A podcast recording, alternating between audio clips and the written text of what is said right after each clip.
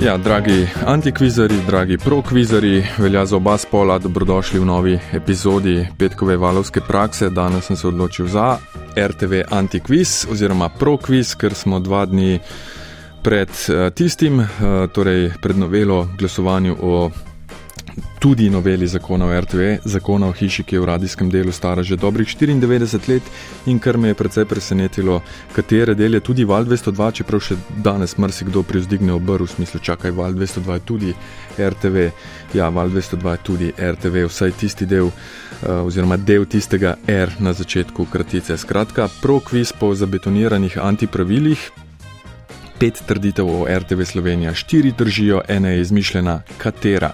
Nič ena, 475, 2202, tole pa so trditve o RTV. Prva oziroma prvi podatek, radijski, za napoved točnega časa so včasih na radiju uporabljali gong.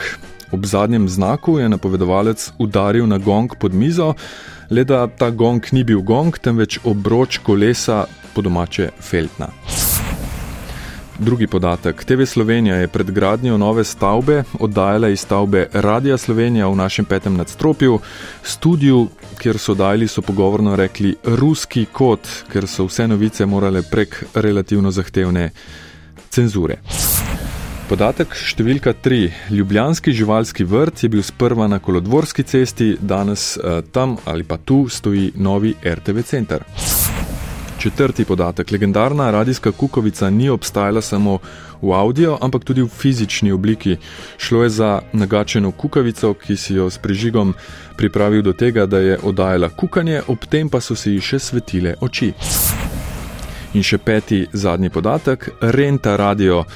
Ena bolj znanih izposojevalnic radio je stala na Miklošičevi v Ljubljani, predvsem ob sobotah so si aparate zelo radi izposojali gostinci pet podatkov torej o radiju in televiziji Slovenija. Uh, od petih so štirje resnični, iščemo pa napačnega.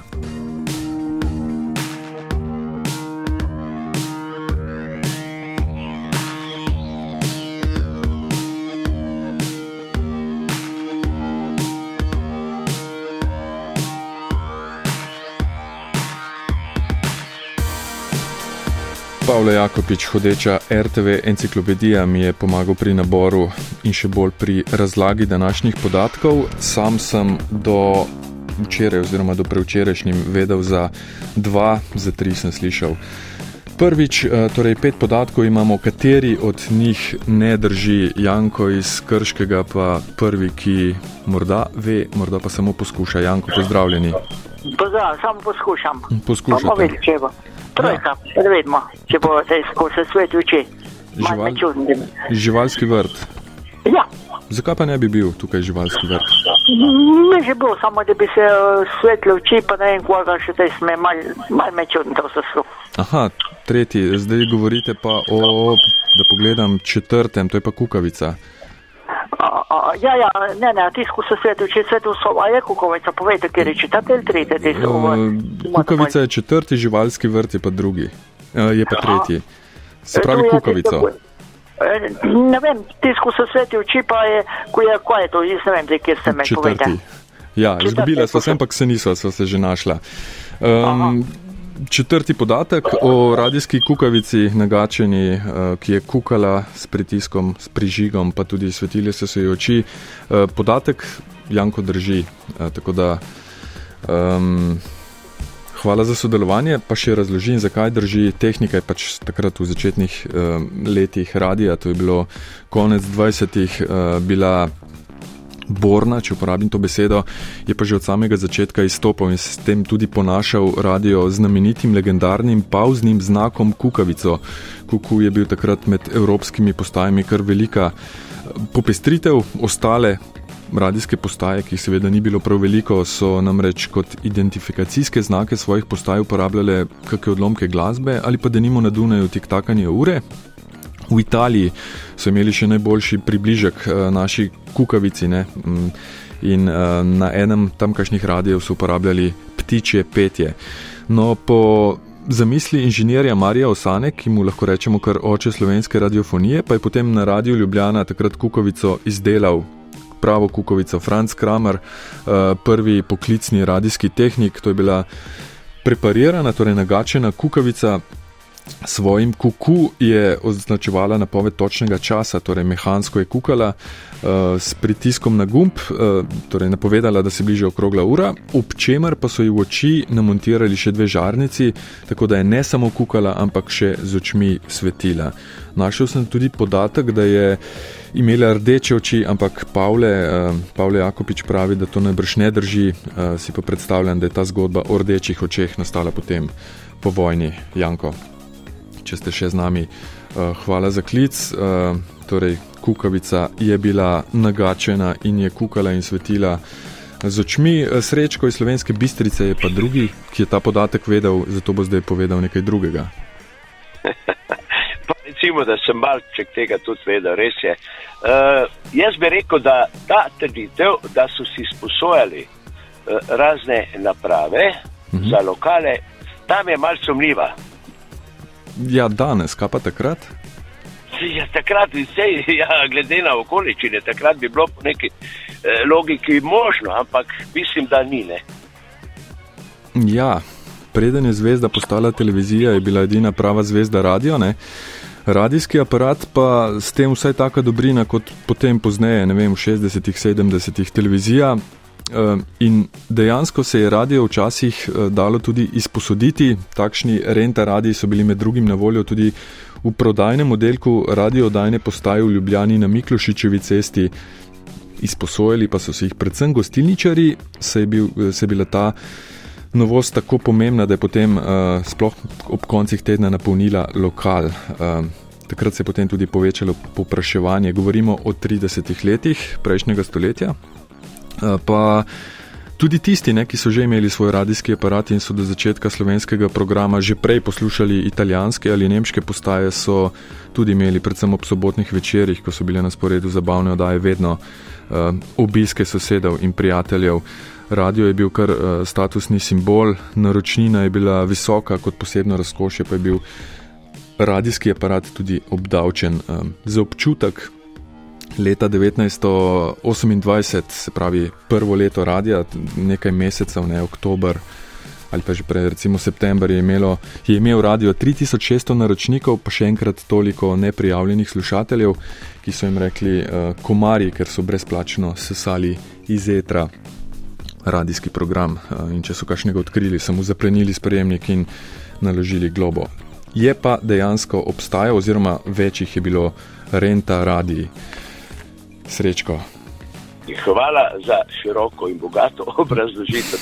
Vsega nisem vedel, je pa vse verjetno tudi bilo tako. Ja, ja komarji se je reklo. Komarji, tega se pa spomnim, ja, nekje. Ja, pa ne vem, A res, super. To mi je pa ostalo, ja, komarji. No, zdaj smo pa ja. še utrdili znanje. uh, hvala lepa. Je Enako srečko, pa srečno, srečno v slovensko bistrico. Tako. Tudi Ljubljano, živijo. Adijo, uh, Nika iz Ljubljane pa naslednja. Dobro jutro, dober dan. Dobro jutro, dober dan. Jaz pa mislim, da tale drugi podatek, da bo gradnja, pa ne vem kaj, pa ruski kot, pa tako, da ne drži. V čem bi bilo lahko? Da ne boste še gradili. Kako da? Nove. Nekaj, da bo gradnja nove televizije, ne? Ja. Ja, noč ne bo. No, to, to se strinjam z vami, da verjetno še nekaj časa ne. Je pa čestitke neka, morda ne hote, ampak da, to ja. je napačen podatek. Eh, čeprav v veliki meri drži do tam čisto ene podrobnosti na koncu, namreč zakaj se je eh, temu kotu, odkudar je oddajala televizija, um, v prvih letih oddajanja uh, reklo ruski kot. Um, televizija je dejansko oddajala iz stavbe Radia Slovenija in to ne tako malo časa, kakih recimo skoraj 20 let. Prva poskusna oddaja mimo grede Radia Slovenija so se septembra 28 zgodila v prostorih nekdanjega skladišča soli na današnji Tivolski cesti nasproti črpalke. Skratka, TV kolegi pa so oddajali iz petega nadstropja uh, radijske hiše, svoje prostore so imeli poleg tega še v četrtem nadstropju, uh, od petih ne, uh, danes petih pa pol šestih. TV Slovenija je pa sicer začela poskusno oddajati leta 57 z gospodarskega razstavišča, potem pa leto pozneje iz naše stavbe, torej radijske, svojo hišo je pa potem dobila v začetku 70-ih čez testo. Kar se radija tiče, eden najpomembnejših oddelkov njegova prva leta delovanja je bil prosvetni oddelek, v njem so pripravljali krajša aktualna strokovna predavanja, predstavljali so knjige, se pogovarjali s književniki in tako naprej. Velik poudarek je bil tudi na jezikih, osem so jih poučevali na radiju, ker so bili jeziki vstopnica v svet, kot so rekli ob začetku oddaj, eh, skoraj neke vrste avizo, eh, in potem so te jezike dejansko poučevali na radiju nemščino, francoščino, angliščino, italijanščino, polščino, češčino, srbo-hrvaščino in esperanto. Um, tem se je potem pridružila še oddaja slovenščine za, Sloven slovenščina za slovence in tako naprej. No, sčasoma pa so v prostorih, kjer je pozneje začela oddajati TV Slovenija, zdaj smo spet v petem nadstropju naše radijske hiše, začeli poučevati tudi ruščino, ruščine niso poučevali prek radia, ampak kot, uh, kot tečaj, samo v tej stavbi. No in tistega kota v studiu, kjer je bila miza, za katero je sedel profesor ruščine, se je prijelo ime Ruski kot in ime je ostalo tudi potem, ko tisti kot ni imel več nobene povezave z ruščino in tudi potem, ko marsikdo sploh ni vedel več, zakaj se je imenoval Ruski kot, ni pa ime bilo povezano s popolnoma nikakršno cenzuro, zgolj z nekim jezikovnim tečajem, ki je na ključno potekal tam, torej v ruskem kotu. Nika, čestitke, pustite podatke v režiji, da vam pošljemo uh, nagrado Vala 202, Nika, če ste še z nami. Uh, lep dan, pa seveda še lepši konec tedna. Vam tudi.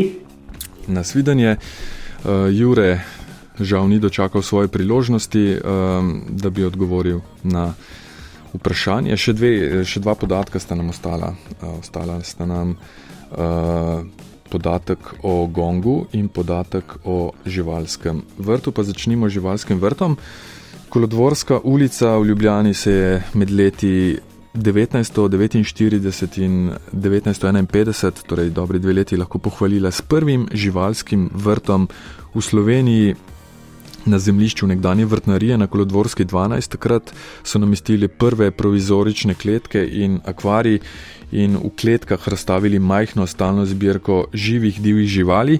9. februarja leta 1951 pa je potem Ljubljanski dnevnik časopis eh, poročal, da to zbirko postopoma selijo, ker to ni primerna lokacija za divje živali. Kot osrednje probleme so izpostavili higieno v mestu, težave z oskrbovanjem živali ter krajo papik. Skratka, drži tu v uh, bližini uh, radia in televizije je pred dobrimi 70 leti Ljubljana imela svoj prvi živalski vrt in potem še uh, ta gong. Uh, legendarni, skoraj ja. pred digitalizacijo smo menjali že prej tisto kukavico, ne, eh, mehansko, um, pa tudi ja, še analogizacija je bila v samih povojih uh, radijska. Ne. Um, so kolegi morali kar precej improvizirati, danes samo pomaham Matjažu in mu pokažem, naj denimo spusti. Ne ravno tega, no, ampak ja, na tak način, skratka, tehnična oprema je bila borna in tudi umestni zvoki so bili improvizirani. Tak je bil tudi gong, ki je označeval točen čas, denimo napovedovalec je povedal, ob udarcu na gong bo ura točno 13 in potem je udaril na gong, pri čemer ta gong ni bil gong, ampak obroč kolesa, bicikla po domače feltna, obešena je bila pod napovedovalčevo mizo, na njo pa je udaril s kladivcem ovitim v klobučevino. Zvok seveda ni bil vedno popolnoma enak, ker je včasih napovedovalec tudi zgrešil, um, tako kot ni bila vedno čisto točno 13, ampak pogosto kakšna sekunda gor ali dol. Danes uh, se pri daljših informativnih oddajah lahko zanesete, da je um, na udarec, uh, da smo do sekunde točni, pri novicah vsako uro počasih tudi malo poguljufamo. Tako, to je bilo recimo pet podatkov oziroma zgodb iz zgodovine RTV-ja, seveda s poudarkom nekoliko bolj na radio, ker pač um, nismo čisto objektivni. Um, tri minute do devetih, um, toliko v današnjem antikvizu, se slišimo prihodnji petek.